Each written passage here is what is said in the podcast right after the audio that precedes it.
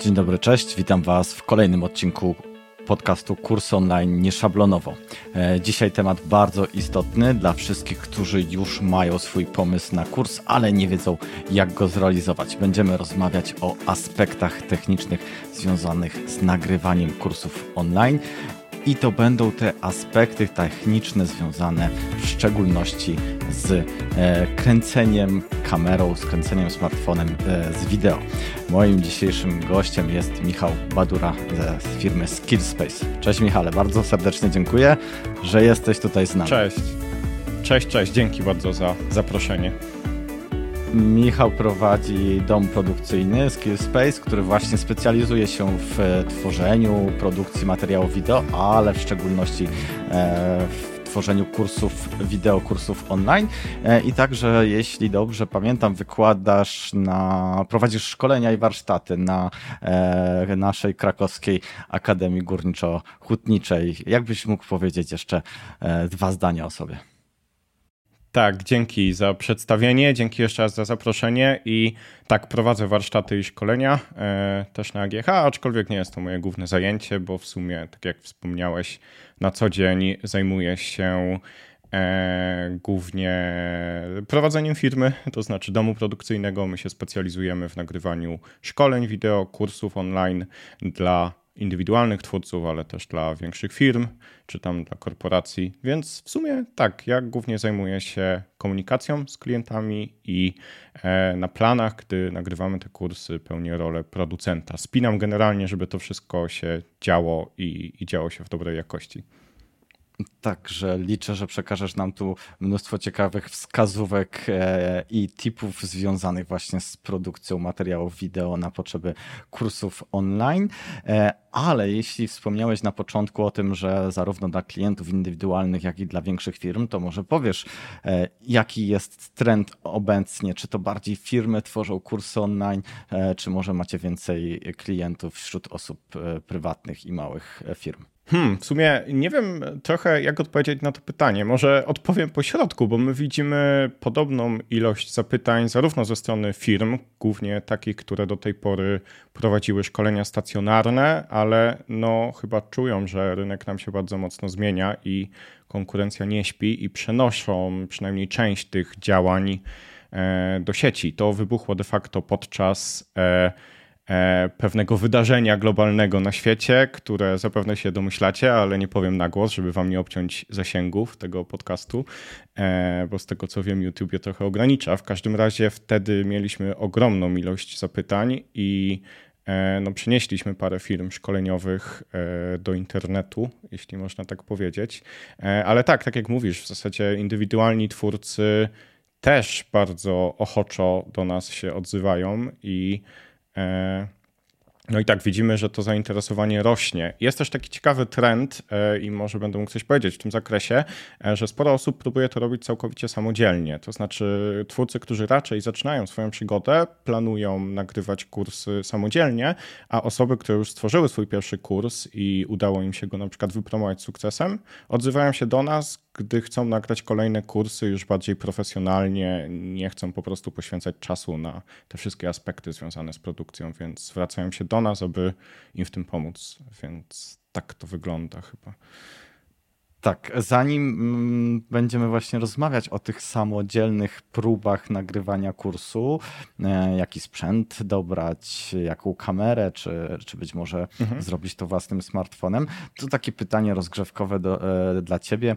E, czy kupiłeś kiedykolwiek jakiś kurs online, a jeśli tak, to czy jakiś taki kurs, który najbardziej ci zapadł w pamięć, coś bardzo specyficznego, nietypowego? Aha.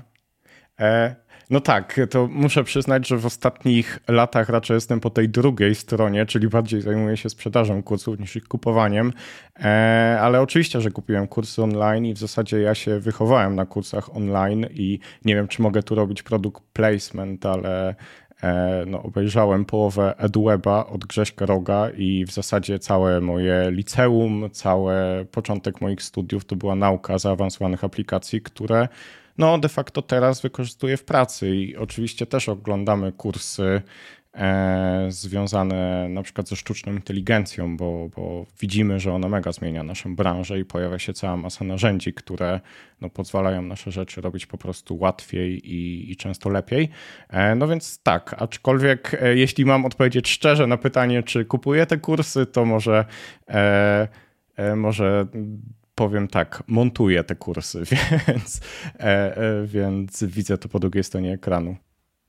Czy w takim razie można mm, zmienić tytuł dzisiejszego podcastu i powiedzieć od kursu online do y, twórcy studia produkcyjnego? No, w zasadzie będzie w tym trochę prawdy, bo, bo tak, no myślę, że bez tych kursów nie byłoby tego, co robimy dzisiaj, więc. Mhm. No dobrze, no to zakładamy, że mamy już pomysł na kurs, chcemy go stworzyć, mhm. no i przychodzi czas aspektów technicznych, nagrania. E, zacznijmy od tego, jakim sprzętem najlepiej nagrywać, co kupić i jaki Aha. budżet powinniśmy wstępnie przygotować, żeby ten nasz pierwszy kurs był w takiej mhm. podstawowej, akceptowalnej dla użytkownika wersji ulubione pytanie wszystkich filmowców, jaką kamerę kupić i ile wydać pieniędzy. E, no i to jest pytanie, na które trzeba odpowiedzieć, trudno powiedzieć, ale no i każdy tak odpowie, ale powiem dlaczego, bo to nie jest jakaś ucieczka od odpowiedzi, bo ja zaraz odpowiem na to pytanie, e, tylko zanim w ogóle będziemy kupowali ten sprzęt i wybierzemy się na zakupy, to my to mówimy też wszystkim klientom, że jakby gro tej pracy, którą powinniśmy poświęcić związanej z nagraniami, to 60-80% de facto tej pracy to jest praca konspektowa i to jest plan i to jest bardzo szczegółowe rozpisanie tego, co w ogóle chcemy nagrać, w jakiej formie chcemy to nagrać, e, jak to ma wyglądać, bo dopiero pod to dobieramy konkretny sprzęt. Zupełnie inny zestaw kupimy nagrywając nagrania tak zwanej gadającej głowy, czyli powiedzmy taki kadr jak e, mam teraz, gdzie przekazuję jakąś wiedzę bezpośrednio do kamery, ewentualnie udostępniam ekran i na przykład posługuję się jakąś prezentacją albo nie wiem, może pokazuję obsługę jakiejś aplikacji, a zupełnie inny sprzęt kupimy nagrywając na przykład lekcję jogi albo jeszcze inny sprzęt kupimy nagrywając kurs obsługi nie wiem, wózka widłowego, więc e, od tego trzeba zacząć, moim zdaniem. I my podczas współpracy z klientami mamy taki szablon konspektu. E, ja go mogę udostępnić, to nie problem. E, jak chcecie, to napiszcie do mnie, to, to mamy to na dysku Google, podrzucę link, ale spróbuję to zwizualizować. Pierwsza kolumna lista wszystkich lekcji, które chcemy nagrać i obok tworzymy sobie kolumny, gdzie rozpisujemy kadr, czyli ma, czy to ma być na przykład kadr tej lekcji, gdzie siedzimy za biurkiem, czy to ma być kadr stojący, czy to ma być nagrywane wewnątrz czy na zewnątrz, czy to ma być e, kamera ruchoma czy statyczna, czy to ma być może rozmowa z kimś, może rozmowa zdalnie, wtedy w ogóle potrzebujemy inny zestaw sprzętowy, bo możemy skorzystać z narzędzi do robienia spotkań online, choćby z takiego, jakim teraz nagrywam naszą dzisiejszą rozmowę, więc e, bardzo pokrętnie odpowiedziałem na Twoje pytanie, ale chciałem podkreślić, że to jest najistotniejsze, no bo coś, co jest do wszystkiego, jest trochę do niczego, więc zanim, zanim kupimy tą kamerę, powinniśmy się zastanowić, jaką tą kamerę kupić po prostu i do czego będzie nam służyć. I też jeszcze, i ostatnie, jeśli mogę, formułowałeś pytanie, e, jaką kamerę kupić, prawda? Czy, czy jaki sprzęt kupić? To ja chciałem na to odpowiedzieć. Od czego zacząć? Tak, to może w ogóle nie trzeba kupować tego sprzętu, tylko w każdym większym mieście działają wypożyczalnie sprzętu i może warto sobie na dobę czy dwie wypożyczyć taką kamerę i pobawić się tym w ogóle i sprawdzić, czy to jakoś spełnia nasze oczekiwania. Może się okaże, że to jest zbyt skomplikowane i po prostu nas to nie kręci i, i nie ma sensu wydawać na przykład 5 tysięcy na, e, na lustrzankę i kolejnych pięciu na akcesoria, tylko może wystarczy wydać 200 zł na wypożyczenie całego zestawu i i nagranie tych lekcji. To, to, tak. to jest pierwsza bardzo cenna sugestia dla wszystkich twórców. E, faktycznie można taki sprzęt wypożyczyć. Jak wspomniałeś już o kamerze e, ruchomej, to już sobie pomyślałem, o, to już idziemy tutaj właśnie w, w duże koszty, nie mówiąc brzydko na grubo, ale zacznijmy od takich podstaw, czyli od takiego kursu właśnie gadającej głowy. Być może ten sprzęt nie jest potrzebny, można go wynająć, a być może jesteśmy w stanie to zrobić wykorzystując kamerkę w naszym e, laptopie, w smartfonie? Czy są jakieś takie minimalne parametry, które uznałbyś za akceptowalne, żeby móc taki sprzęt wykorzystać właśnie do takiej proste, prostego nagrania kursu. załóżmy tak na początek właśnie, że to będzie e, ta prezentacja plus gadająca głowa. Jasne. To pierwsza rzecz, e, chyba najistotniejsza, to będzie statyw. W tym przypadku nie nagrywamy z ręki, nigdy. Jeśli nie umiemy tego robić i dopiero zaczynamy, to jest to bardzo zły pomysł, bo obraz będzie nam się trzęsł, e, nie będzie wyglądał tak dobrze, więc musimy kupić statyw. Dlatego ja mówiłem o tych typach kursów, bo jeśli chcemy nagrywać jakieś rzeczy w plenerze, czy ruchome, czy na przykład e, coś bardziej vlogowego, no to wtedy nie kupujemy prawdopodobnie statywu, tylko kupujemy gimbal. A tu z kolei pojawiają się różne niuanse techniczne, bo w zależności od tego, E, jaką kamerę wybierzemy, albo inaczej, czy będzie to kamera, czy będzie to statyw, to kupimy gimbal lekki lub gimbal większy, no nie? Ale dobra, już nie, nie rozwodząc się, e, kupujemy statyw. Fajnie, żeby ten statyw miał głowicę filmową, bo to nam pozwoli e, lepiej sobie, no łatwiej ustawić sobie tą kamerę. Lustrzanka jest dobrym pomysłem, aczkolwiek szczerze mówiąc, przy tym jak szybko rozwijają się aparaty w smartfonach, E, to nagrywaliśmy ostatnio tego typu nagrania iPhone'em, czysto testowo i naprawdę jakość jest ogromna. Nawet mieliśmy pomysł, ja akurat dzisiaj mam podpiętą lustrzankę do laptopa, e, bo taki tu mamy zrobiony setup, ale podpinaliśmy też tutaj e, z naszą ekipą iPhone'a i jakość była naprawdę bardzo porównywalna z tym, co widać teraz na ekranie. Jeśli zdecydujemy się na tego iPhone'a, to warto tylko pomyśleć o oświetleniu, w związku z tym, że e, no, telefony, czy ja mówię iPhone, bo akurat mam iPhone'a, ale tak nie uznaję innych smartfonów, ale tak naprawdę optyka w tych, e, w tych telefonach jest bardzo dobra, chociaż nowe Androidy oczywiście też dają radę. E, więc co, mamy ten statyw, mamy tą kamerę. Jeśli decydujemy się na lustrzankę, to tutaj trzeba mieć tylko w głowie, że lustrzanka to nie wszystko. Jeśli widzimy w sklepie lustrzankę kosztującą na przykład 3000 zł, e, to musimy mieć w głowie, że drugie tyle prawdopodobnie będziemy musieli wydać na akcesoria. Co mam na myśli przez akcesoria? Będą to baterie do tej lustrzanki, będzie to karta pamięci, a najlepiej dwie, żeby nie skończyła nam się pamięć podczas nagrywania i nie wybijała nas z rytmu. Będzie to obiektyw. E, jeśli no w zależności od tego, co nagrywamy, musimy wybrać sobie odpowiedni obiektyw. Te obiektywy też kosztują od kilkuset złotych, nawet do kilku tysięcy. Oczywiście ja nie mówię, żeby kupować obiektyw za 5 tysięcy do, do nagrywania prostego kursu. E, pokazuję tylko jakoś orientacyjnie, jakie to są koszty. E, no i jeśli byśmy chcieli nagrywać takie statyczne rzeczy, no to musimy koniecznie pomyśleć o oświetleniu. To jest sprawa kluczowa. Generalnie możemy nagrywać w świetle dziennym i nieco to ułatwia sprawę, bo nie musimy kupować lamp. No ale co jeśli będzie brzydka pogoda na zewnątrz? Albo co jak będzie pochmurny dzień? Wtedy skończy się to tak, że cały czas będzie nam się zmieniała tak zwana ekspozycja, czyli raz będziemy niedoświetleni, a raz cała nasza twarz będzie świecić od słońca, które akurat wyszło z chmury i, e, i padło na naszą twarz. Więc e, my na przykład zazwyczaj nagrywamy w taki sposób, że zasłaniamy wszystkie zewnętrzne źródła światła, nad którymi nie mamy kontroli i ustawiamy sobie swoje światło. Na start do takiego nagrania, jak na przykład to, wystarczy nam jedna główna lampa, może to być albo prosty ring, który kosztuje nawet powiedzmy 150-200 zł na dzień dzisiejszy. Nie chcę tu rekomendować żadnych firm, bo to się zmienia tak szybko, że, że chyba to nie ma większego sensu.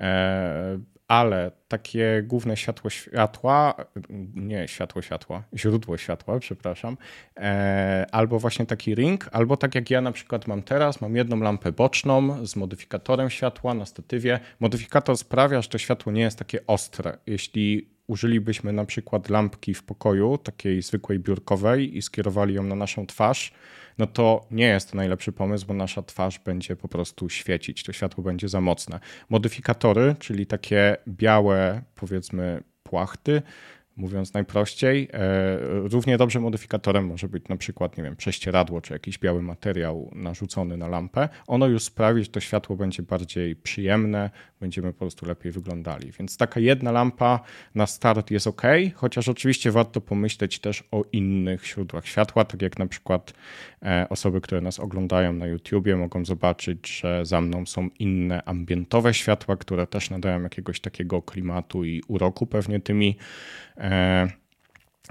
no, temu obrazkowi. I jeszcze nade mną, dokładnie nad moją głową, jest hairlight, który pozwala odciąć moją sylwetkę od tego, co jest za mną. I to też jest dobry pomysł, aczkolwiek to już jest chyba bardziej e, zaawansowana rzecz, więc mówię o tym tylko bardziej w formie ciekawostki. Jeszcze jedna rzecz związana z oświetleniem to nie stosowałbym górnego światła, takiego jakie najczęściej mamy w pokoju.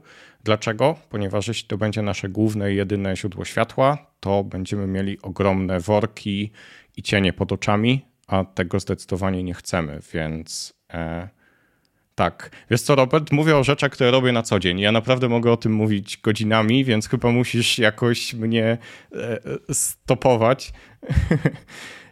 Bo wyjdzie nam z tego 8-godzinne szkolenie, więc chyba nie o to chodzi. Chociaż jak poruszyłeś temat oświetlenia, to było jedno z moich kolejnych Aha. pytań, które chciałem ci e, zadać. I dopóki mówiłeś o ringu, e, to było wszystko ok, ale później zaczęły się już schody i bardziej rzeczy skomplikowane, tak. które no zacząłem tak powoli analizować w moim e, umyśle. Zacznijmy mhm. w takim razie od tych e, takich najprostszych i, i najłatwiejszych rzeczy, czyli takie mhm. światło typu Ring. Rozumiem, że mogę je kupić nie wiem, na popularnym serwisie aukcyjnym typu e, Allegro i na początek, zaznaczamy, że na początek mhm. będzie to wystarczające dla takiego nagrania kursu online. Na początek tak, e, aczkolwiek e, ja bym rekomendował mocno wybranie się do jakiegoś sklepu specjalistycznego. Nie mam na myśli tu dużych sieciówek, marketów, galeriach handlowych, tylko bardziej do sklepów, które po prostu specjalizują się stricte w sprzedaży artykułów foto-wideo, ponieważ na ogół pracuje tam kadra, która z ogromną chęcią nam podpowie, co jest dobre, a co nie, co klienci chwalą, a na co narzekają. Więc ja nie mówię, żeby kupować w tych sklepach, to nie jest równoznaczne, ale przynajmniej możemy zasięgnąć jakiejś takiej opinii, zobaczyć to sobie na żywo i, i też e, coś, co wygląda na zdjęciu fajnie, niekoniecznie później okazuje się, że jest super. E, oczywiście tak jak mówisz, że możemy coś kupić, ale to ja nie gwarantuję, że będziemy z tego zadowoleni, więc wolałbym to zobaczyć gdzieś w sklepie e, wcześniej i podpytać ewentualnie kogoś, jaki model na dzień dzisiejszy kupić, bo w zeszłym roku fajne były lampy takie, ale już wyszły inne, tańsze i dużo lepiej świecące. Więc tak, jedna rzecz, o której chciałem tylko jeszcze powiedzieć, to super jakby ten ring, to światło miało regulację temperatury barwnej, czyli żebyśmy mogli zmienić, żeby to było światło e, zimne lub ciepłe, ponieważ ponieważ w zależności od warunków oświetleniowych, jakie będziemy mieli, e, jeśli kupimy zimny ring, no to możemy wyglądać trochę trupio na twarzy, bo będziemy mieli biały obraz po prostu. Znowu jak kupimy zbyt ciepły ring oświetleniowy, no to będziemy cali w odcieniach pomarańczu, więc jakakolwiek regulacja tutaj właśnie temperatury barwnej i jeszcze co jest super to mocy świecenia tym światłem, czyli dimmer popularny, no to to są dwa takie aspekty, które fajnie byłoby mieć, ale na początek na pewno lepsze jakiekolwiek światło niż żadne, więc tak chyba mogę odpowiedzieć na to pytanie. To, będzie dobre podsumowanie, jeśli chodzi o e, oświetlenie. E, to powiedz mi jeszcze, bo taki ring e, na Allegro. Myślę, że również z tymi dodatkowymi e, funkcjami typu zmiana barwy, oświetlenia czy mm, intensywności e, kupimy za szczelam około 100, 100 zł. A jeśli pójdziemy do takiego profesjonalnego sklepu, to jak, o jakich kosztach będziemy wtedy rozmawiać? Wiesz co, oni bardzo często mają te same produkty, które są na Allegro. To, to nie jest tak, że, że oni sprzedadzą coś tylko i wyłącznie markowego 6 razy drożej, bo e, no nie jest tak. Są popula przepraszam, popularne marki e, e, próbuję sobie teraz przypomnieć, bo jest to trochę trudne z tego względu, że my nagrywamy na zupełnie innym setupie i ja nie będę tu rekomendował lamp za 10 tysięcy, bo to zupełnie nie o to chodzi. E, no, ale tak, no ja myślę, że za 150 zł, 200 zł jesteśmy w stanie kupić coś podstawowego. No, oczywiście im więcej, tym będzie to pewnie miało lepsze światło i lepsze funkcje.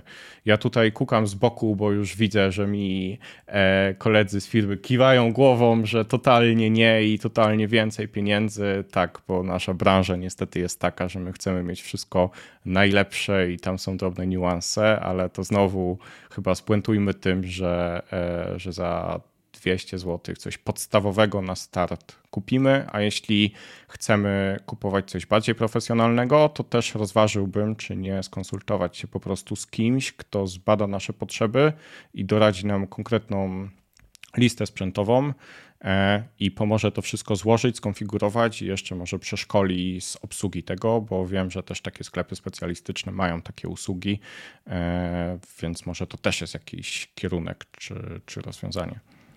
To jak już poruszyliśmy temat kosztów, to jedźmy dalej i wróćmy do statywu. Statyw to wydatek około? Sky is the limit. e, ale no tak, około 500 zł, e, 600 zł to ja myślę, że to jest takie minimum, które musimy dać za coś, co nie rozwali nam się po roku i nie będzie się chwiało w każdą stronę po przykręceniu trochę cięższej kamery czy lustrzanki. Okej, okay. Wspomniałeś, wspomniałeś jeszcze o gimbalu? To zależy czy do smartfona, czy do. E, czy do, do smartfona zakładamy. Okej, okay, no to kilkaset złotych. Ile dokładnie? Kurczę, nie umiem odpowiedzieć na to pytanie, bo dawno nie kupowałem, a ceny się trochę zmieniły, ale wydaje mi się, że tak w, w okolicach. Je, jest fajna firma, to chyba mogę powiedzieć, bo testowaliśmy ich e, narzędzia, działają całkiem fajnie. E, DJI i, i, oni mają fajne gimbale do smartfonów. Nie mam pojęcia, ile na one na ten moment kosztują, ale to możemy e, wkleić ale na pewno kilkaset złotych. Na myślę, czacie. 500, 800 mm. trzeba planować. Tak, myśl, myślę, że to jest minimum. Przepraszam za brak konkretnej odpowiedzi, ale też nie, nie pracuję w sklepie i nie śledzę tego na, na co dzień. No dobrze, no to e, mamy statyw, e, mamy mhm. urządzenie, którym będziemy nagrywać. Zakładamy, że jest to smartfon i Aha. mamy oświetlenie. E, tak jest. No to jeśli rozmawiamy o kosztach, to ostatni koszt takiego sprzętu, który myślę, że warto dodać do tej e, wielkiej trójcy, to jest mikrofon. Tak jest i to jest turboważna sprawa. Mamy de facto dwa rozwiązania, jeśli mówimy o takich typowych nagraniach w stylu tej gadającej głowy albo możemy mieć mikrofon na USB biurkowy. Ja mam tu akurat takiego e, Shura, który jest odpowiednikiem trochę droższych modeli wykorzystywanych jako standard w zasadzie w większości rozgłośni radiowych. Za ten mikrofon, z tego co pamiętam, zapłaciłem około 1200 zł i jest to już gorsza pół, e, nie gorsza, tylko droższa półka, chciałem powiedzieć, ale są oczywiście też mikrofony tańsze w okolicach tam 300-400 zł i one też będą ok, e, aczkolwiek rozważam rozważyłbym jedną rzecz. E, rozważyłbym, czy nie kupić mikrofonu krawatowego, czy mikrofonu w formie takiego klipsa. E, tutaj marka Rode jest najpopularniejsza, Rode Wireless Go, z tego co pamiętam. One są też w wersji Pro. E, mówię o tym dlatego, że ten mikrofon będziemy też mogli wykorzystać w przyszłości, na przykład nagrywając z kimś nie wiem, wywiad, czy, czy nagrywając po prostu w miejscu, w którym nie mamy możliwości postawienia tego mikrofonu, e, tak jak my z Robertem mamy postawione na naszych biurkach. E, więc mikrofony krawatowe super sprawa i w sumie to są mikrofony, które wykorzystujemy najczęściej. One też mają bardzo dobrą jakość dźwięku. E, działają bezprzewodowo. Jeden mikrofon przypinamy sobie gdzieś po prostu do naszej bluzki i koszuli, a drugą część tego zestawu wpinamy do kamery, czy możemy też wpiąć do smartfona, o ile mamy wejście na jacka albo przejściówkę umożliwiającą wejście na jacka, bo dziś to nie jest takie oczywiste. E, no i chyba to bym rekomendował, przepraszam, na pewno nie rekomendowałbym używanie e, mikrofonu w smartfonie albo mikrofonu w kamerze, ponieważ te mikrofony są po prostu bardzo słabe i też jest kluczowa rzecz, my raczej tą kamerę, czy raczej ten mikrofon będziemy mieli no, w jakimś odstępie od nas. Generalnie im dalej będzie ten mikrofon, tym będzie gorsza gorsza jakość dźwięku. My de facto z Robertem mamy, nie wiem, 10-15 centymetrów od ust nasze mikrofony dla osób, które tego nie widzą. Te mikrofony krawatowe też są gdzieś w podobnej odległości, no a mikrofon w kamerze będzie na przykład 2 metry od nas, więc to po prostu nie, nie może działać dobrze i, i tego bym nie rekomendował. Tak samo jakbyśmy nagrywali coś na przykład naszym laptopem, to też mega odradzam stosowanie mikrofonu wbudowanego w laptopa. Nawet jeśli mamy E, MacBooka, który ma stosunkowo fajny mikrofon, no to jeśli cokolwiek będziemy pisali na klawiaturze, to ten mikrofon jest prawdopodobnie gdzieś w pobliżu i to wszystko będzie po prostu słychać, więc e, tak, więc Czyli... e, zewnętrzny mikrofon koniecznie. Podsumowując e, koszty takie podstawowe, myślę, że jesteśmy w stanie zmieścić, jeśli e, zakładając, że mamy smartfon, którym będziemy nagrywać, e, no to statyw, oświetlenie, mikrofon 1500 do 2000 zł. Tak na szybko wyliczyłem. Takie minimum podstawowe bardzo duże minimum. E, teraz pomnożyłbym to razy dwa i, i założył sobie, że gdzieś tam w różnych akcesoriach i w rzeczach, które będziemy dokupywać, tyle nam wyjdzie. E, I tak, raczej branża filmowa ma to do siebie, że pojawia się dużo dodatkowych kosztów, na przykład kabelek, który kosztuje 200 zł, a nagle się okazuje, że jest nam niezbędny. E, więc tak to działa. Ale tak, no te 3000 to bym traktował jako minimum. Czyli udało się nam zamknąć w tej kwocie. Uf, to dobrze. Jeszcze wracając do tematu hmm. mikrofonu, tak z, czy, z, czystej ciekawości ostatnio Aha. spontanicznie kupiłem e, do iPhone'a e, mikrofon na Bluetooth. Co sądzisz o takich Aha. rozwiązaniach? Jeśli będziemy, no, zależy też jakiej jakości, na przykład nagrywaliśmy na AirPodsach, e, słuchawkach dedykowanych do iPhone'a de facto różne webinary i wiem, że tam to działa fajnie, ale testowaliśmy też jakieś słuchawki innej chińskiej marki i coś na co musimy zwrócić uwagę to opóźnienia. Ja najchętniej na miejscu osoby kupującej, to kupiłbym z możliwością zwrotu, żeby po prostu przetestować, czy nie ma opóźnień, bo może być tak, że obraz będzie swoje, a dźwięk będzie swoje i będziemy mieli po prostu dźwięk z obrazem zdesynchronizowany, co będzie wyglądało po prostu źle. I oczywiście później w postprodukcji, w montażu da się to poprawić, o ile nie robimy czegoś na żywo, e, no ale jest to dodatkowa praca, którą musimy wykonywać i przy tam na przykład kilkunastu, kilkudziesięciu lekcjach trzeba to pomnożyć e, czasowo odpowiednio, więc lepiej. E, no, my trzymamy się raczej założenia takiego, że albo dobre bezprzewodowe mikrofony, no albo trzymajmy się kabla, po prostu jest bezpieczniejszy. Rozumiem. E, to teraz przejdźmy do smartfona. Zakładamy, że mamy naszego iPhone'a. Jest on na super profesjonalnym statywie, przygotowany do nagrania. Uruchamiam kamerę, wideo, wciskam przycisk nagrywania, czy być może powinienem coś e, w tym moim iPhone'ie skonfigurować, jakieś parametry, e, żeby to nie było domyślne parametry iPhone'a, bo możemy to zrobić lepiej.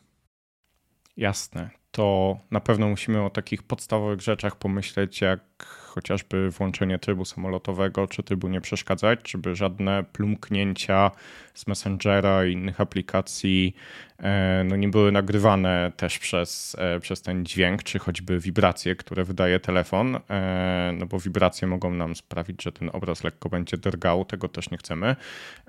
Na pewno musimy zadbać o baterię wcześniej, naładujmy tego iPhone'a do pełna, bo nagrywanie wideo, jak pewnie wszyscy zauważyli, zużywa sporo tej baterii, więc nawet jeśli mamy możliwość podpiąć telefon do zasilania podczas nagrywania, to też to jest dobry pomysł.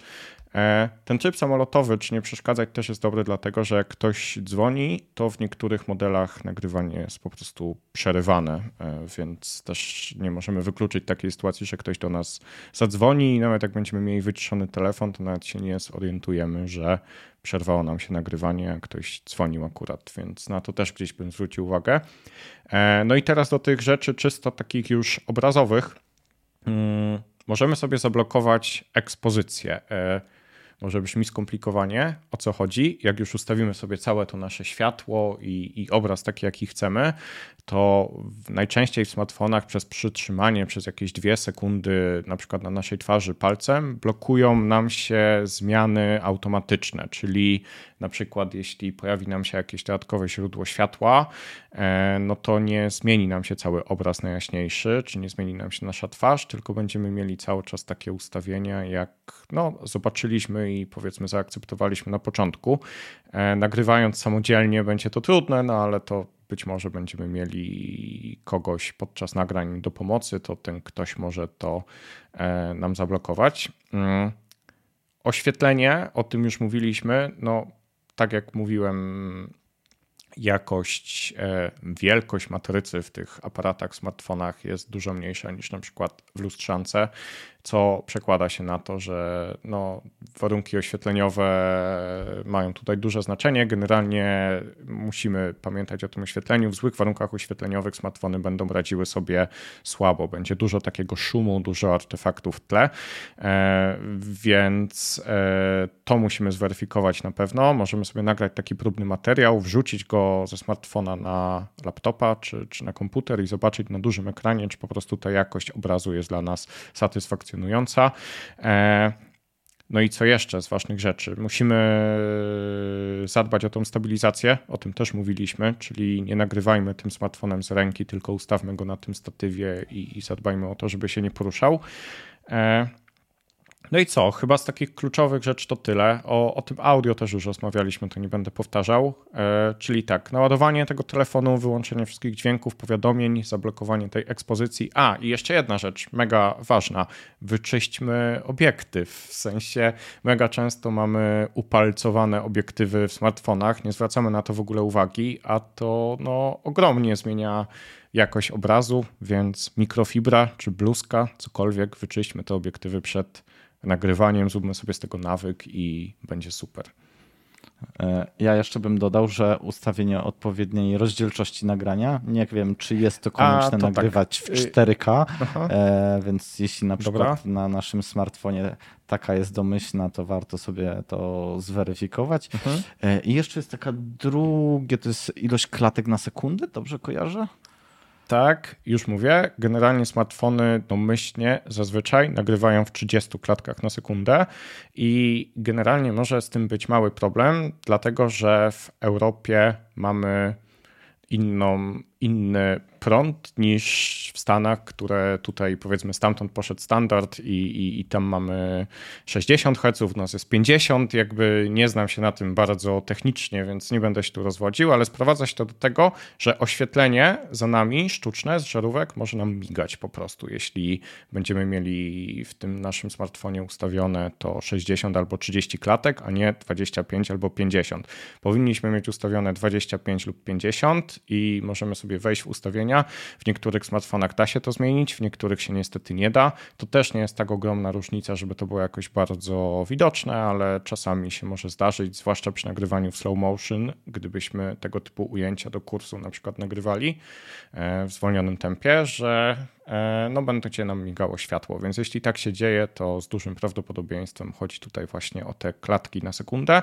I też w programie do montażu później musimy, zakładając sobie nowy projekt, we wszystkich ustawieniach, które tam będą na liście, zadbać o to, żeby mieć ustawioną taką samą ilość klatek, jakie mieliśmy ustawione podczas nagrywania, żebyśmy na przykład nie mieli obrazu nagranego w 25, a montowali projektu w 30, bo, bo nie będzie to wyglądało fajnie, chociaż większość programów dzisiaj już dostosowuje to automatycznie coraz częściej, więc nie jest to taki duży problem.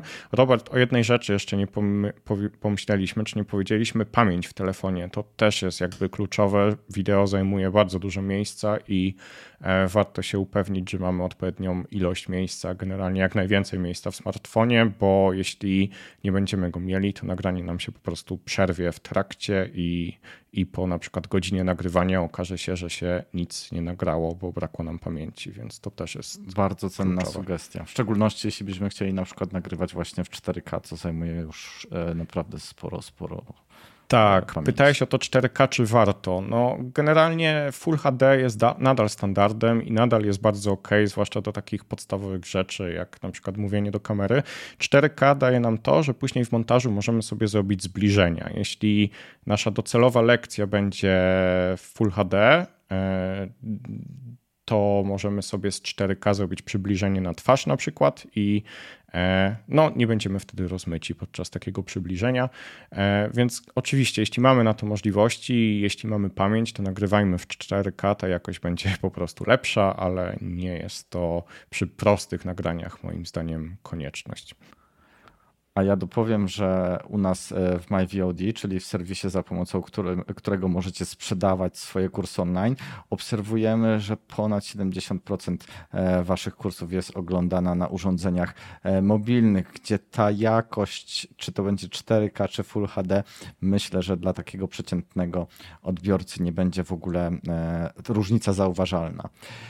Mm, ale będzie inna różnica zauważalna i to jest w sumie też ciekawe, bo zdarzyło nam się już nagrać parę kursów w ogóle w pionie, a nie w poziomie. Jeśli myślimy o tej grupie docelowej i zakładamy, gdzie te kursy w ogóle będą oglądane, no to jeśli robimy kurs składający się z dużej ilości krótkich lekcji, które będą e, no będą oglądane głównie na smartfonach, no to dlaczego nie nagrywać ich w pionie? No nie? To też jest kolejna kwestia, o której warto pomyśleć. E, no, planując sobie właśnie ten konspekt, o którym wspominałem na początku i rozpisując, jakie kadry chcemy stworzyć, e, bo później będzie ciężko nam to zmienić po prostu, jak już nagramy ten materiał.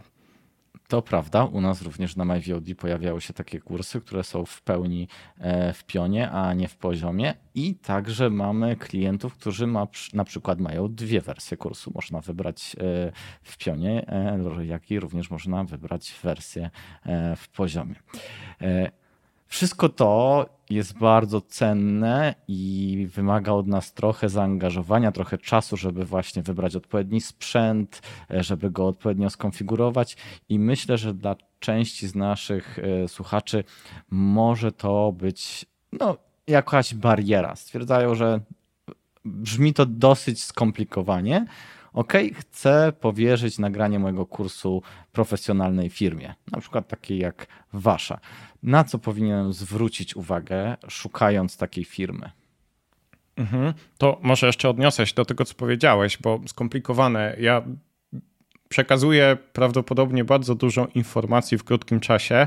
Wynika to też pewnie z tego, że zajmuję się tym od 10 lat i po prostu siedzę w tym i, i mógłbym o tym opowiadać godzinami, bo my de facto po 10 latach na każdym kursie nadal uczymy się nowych rzeczy i odkrywamy nowe niuanse i poznajemy nowy sprzęt. I, i naprawdę to jest osobna branża, w której można e, cały czas się koncentrować. Wiemy, że jest mnóstwo ludzi, którzy po prostu nie chcą się tego uczyć i, i nie chcą się. E, nie chcą się na tym skupiać. E, i wystarczy im po prostu włączenie prostego nagrywania, więc to tak abstrahując, ale myślę, że no, w kontekście współpracy z tą firmą to też nie jest głupie, żeby po prostu pójść do takiej firmy, nagrać sobie na przykład pierwszy kurs, czy, czy niekoniecznie pierwszy i po prostu podpatrzeć, jak oni to robią. Jeśli chcemy to robić samodzielnie i nas to jara i mamy przede wszystkim czas, bo to jest chyba kluczowe, na i nagrania, i później montaż, i i kompletowanie tego sprzętu i uczenie się jego obsługi, no to na pewno współpracując z taką firmą będziemy mogli podejrzeć sporo rozwiązań i przenieść się później do naszej samodzielnej pracy. Mm, no bo do tego to wszystko się sprowadza de facto do czasu, który mamy, żeby poświęcić na produkcję kursu, no nie? E, no i pytałeś na co zwrócić e, uwagę, prawda? Dobrze pamiętam? Tak, e... dokładnie. Wybierając, okay. szukając takiej firmy. Napiszę powiedzmy do mhm. Was, no i jeszcze do kilku innych firm, jakie pytania na przykład mhm. powinienem zadać e, tym firmom, aby wiedzieć, że rozpocznę współpracę z najlepszą z nich. Okej, okay, to najważniejsze chyba. Dopytałbym o portfolio i realizacje związane z tworzeniem kursów online, bo moim zdaniem osobistym nie chodzi tu tylko o wciśnięcie REC na kamerze i ładne ustawienie kadru i sprzętu, tylko też o to wsparcie, powiedziałbym, merytoryczne ze strony, ze strony ekipy. E, nie chodzi o to, żeby operator, nie wiem, siedział za kamerą i, i scrollował Facebooka, tylko też, żeby mógł podpowiadać na przykład, co można powiedzieć inaczej, bo będzie bardziej atrakcyjne swoją formą dla odbiorcy takiego kursu online. No nie? E, firmy, które się w tym specjalizują, jest ich w Polsce co najmniej kilka, e, no, znają te wszystkie niuanse i też będą mogły podpowiedzieć na przykład, żeby dograć jeszcze jakiś osobny format, bo może się przydać pod kątem promocji.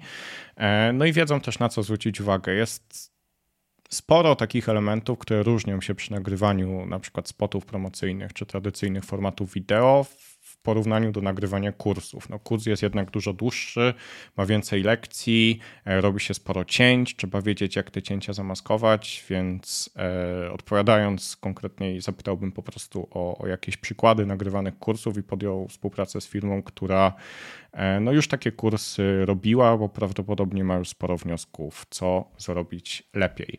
E, Długość działania na rynku chyba też jest takim aspektem, na który zwróciłbym uwagę, bo zakładam taką sytuację, nam się to często zdarza, że na przykład po roku czy po półtora roku klient chce zaktualizować kurs i, e, no i przychodzi do nas z prośbą o dogrywki albo jakieś zmiany w montażu. E, no jeśli skorzystamy z usług jakiegoś freelancera, no to oczywiście tak nie musi być, ale jest duża szansa, że za półtora roku ta osoba będzie się zajmowała już czymś zupełnie innym i, e, no i nie będzie możliwa edycja tych plików, e, które nagraliśmy. E, no, albo nie będzie możliwości dogrywek, a raczej w naszej branży mało kto chce edytować cudze projekty. Raczej, raczej jest to unikane z różnych względów, więc to jest taki taki aspekt. Zapytałbym o terminy montażu. To jest dość istotne, wydaje mi się, ponieważ e, same nagrania to jest jedno, ale montaż to, to jest drugie. I w kontekście tych terminów montażu dopytałbym też, czy poprosiłbym taką firmę o przedstawienie takiego ramowego harmonogramu czy planu w ogóle współpracy. W sensie tym sposobem będziemy mogli sprawdzić, czy ta firma w ogóle ma na to jakąś wizję i pomysł i ma to poukładane wewnętrznie, żeby to się po prostu działo, czy ten montaż będzie trwał pół roku i, i, i będziemy się odbijali od serii poprawek do następnej serii poprawek.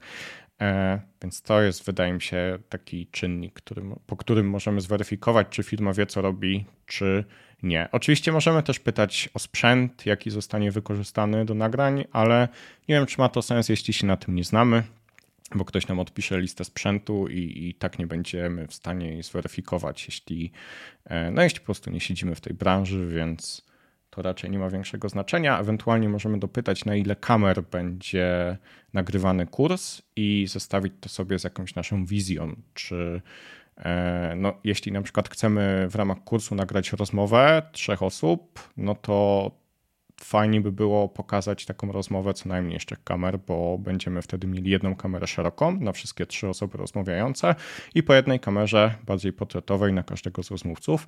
E, no więc to też, no nie wiem, ciężko jest mi to powiedzieć z tej strony. Ja, ja mówię bardziej tak jak ja bym chyba do tego podszedł, ale z takich najważniejszych rzeczy to no, to tyle mi przychodzi do głowy. Jeszcze koszty też są oczywiście istotne, w sensie dopytałbym, ile to kosztuje, ale też w takim znaczeniu, czy są jakieś dodatkowe koszty, czy na przykład e, będziemy mieli licencję do wszystkich dodatkowych materiałów użytych w kursie, czyli na przykład muzyki, e, czy, czy jakichś dodatkowych grafik, które będą wykorzystane w kursie i też dowiedziałbym się, czy nie będzie to jakoś ograniczone czasowo, czyli że na przykład dostajemy prawa do wykorzystywania z tych nagranych materiałów, ale na przykład tylko na rok, a po roku trzeba zapłacić jakąś opłatę za przedłużenie licencji, bo wiemy od klientów, że to też się zdarzało. Im, więc e, tak, to są jakieś takie koszty.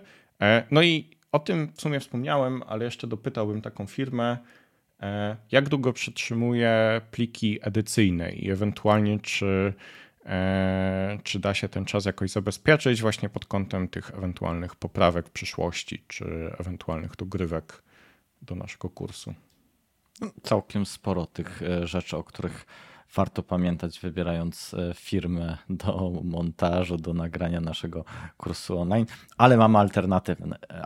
Alternatywy albo sami próbujemy e, własnymi siłami, w budżecie, jak żeśmy ustalili, minimum 1500 oczywiście można iść e, w górę, albo decydujemy się na nagranie mm, przez profesjonalną, zewnętrzną e, firmę.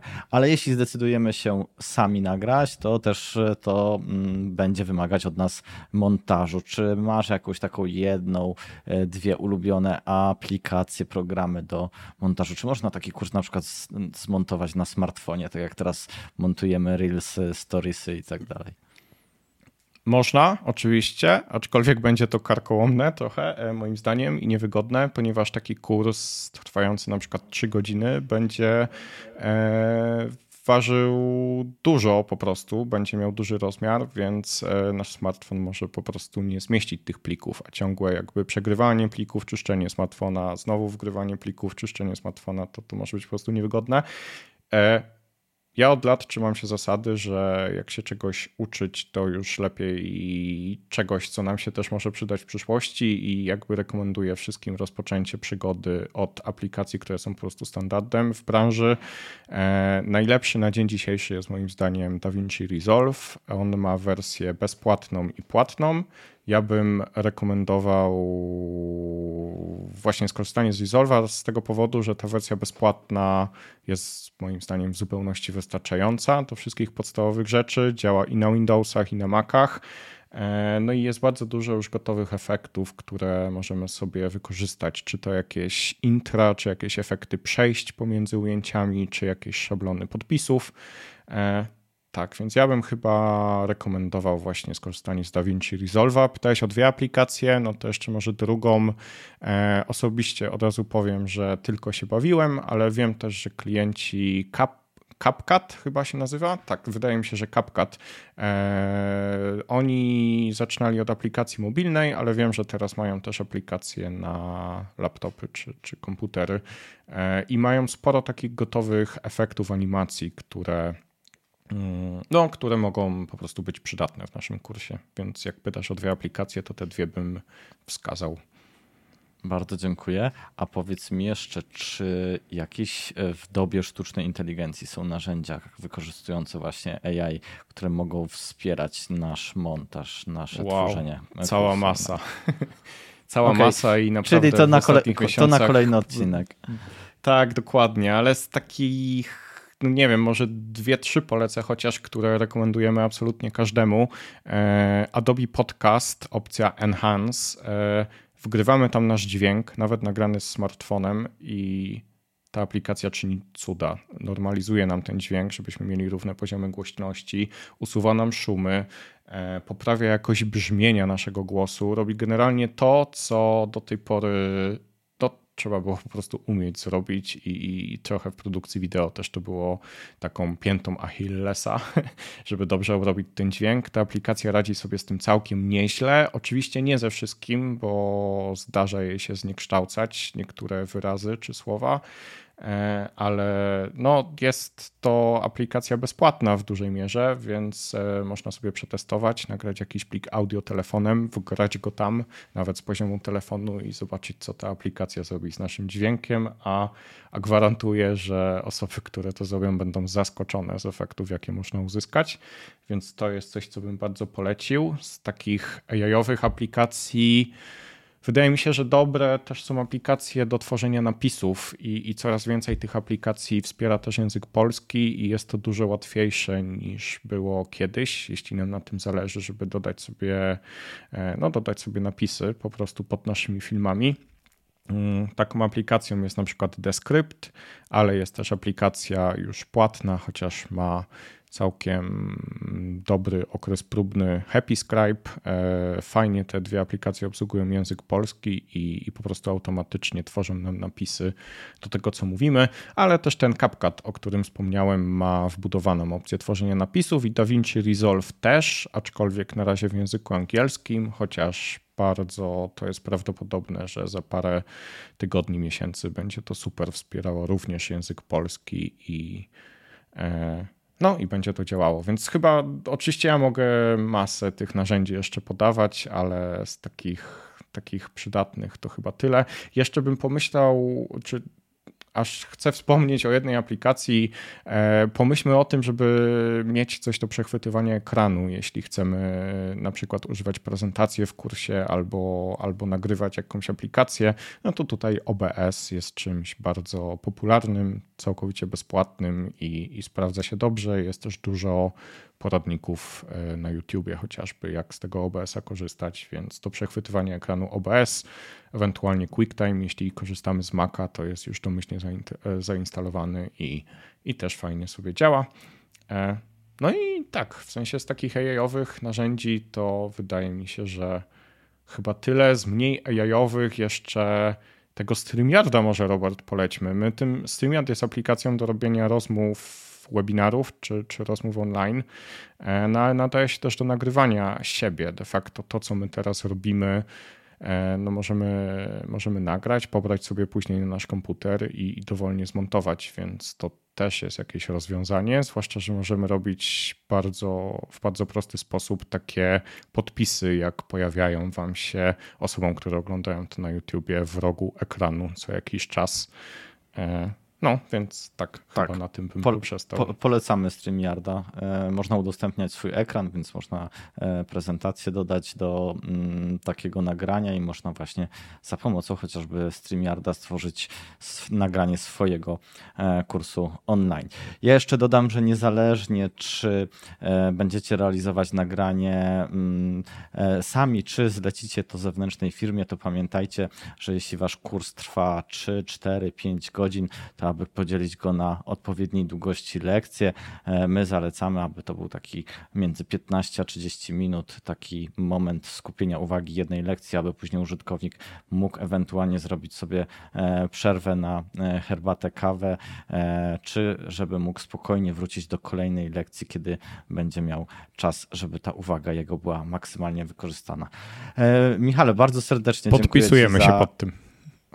Dzięki, bardzo serdecznie dziękuję Ci za dzisiejszą rozmowę, za mnóstwo cennych informacji. Pamiętajcie, że jeśli będziecie mieć jakieś e, pytania, wątpliwości związane właśnie z tematem aspektów technicznych tworzenia kursów e, online, to śmiało możecie do Michała napisać i myślę, że z pewnością Wam e, pomoże. Również możecie w komentarzach na naszym YouTubie napisać, z jakimi najczęściej, z jakich najczęściej Wy korzystacie programów, choćby do montażu montażu materiałów wideo. Michale, jeszcze raz dzięki za e, Twoją wiedzę. Też dziękuję za zaproszenie i cześć, trzymajcie się. Dziękuję Wam za uwagę. Zapraszam oczywiście do naszego serwisu MyVOD, za pomocą którego możecie sprzedawać swoje e, kursy e, online, które stworzycie swoje materiały e, wideo. Zachęcam też do pozostałych odcinków podcastu Kurs Online Nieszablonowo, bo tam również mnóstwo cennej wiedzy i inspiracji dla wszystkich, którzy tworzą produkty, cyfrowe produkty online i kursy. E, życzę miłego dnia i do usłyszenia. Dzięki.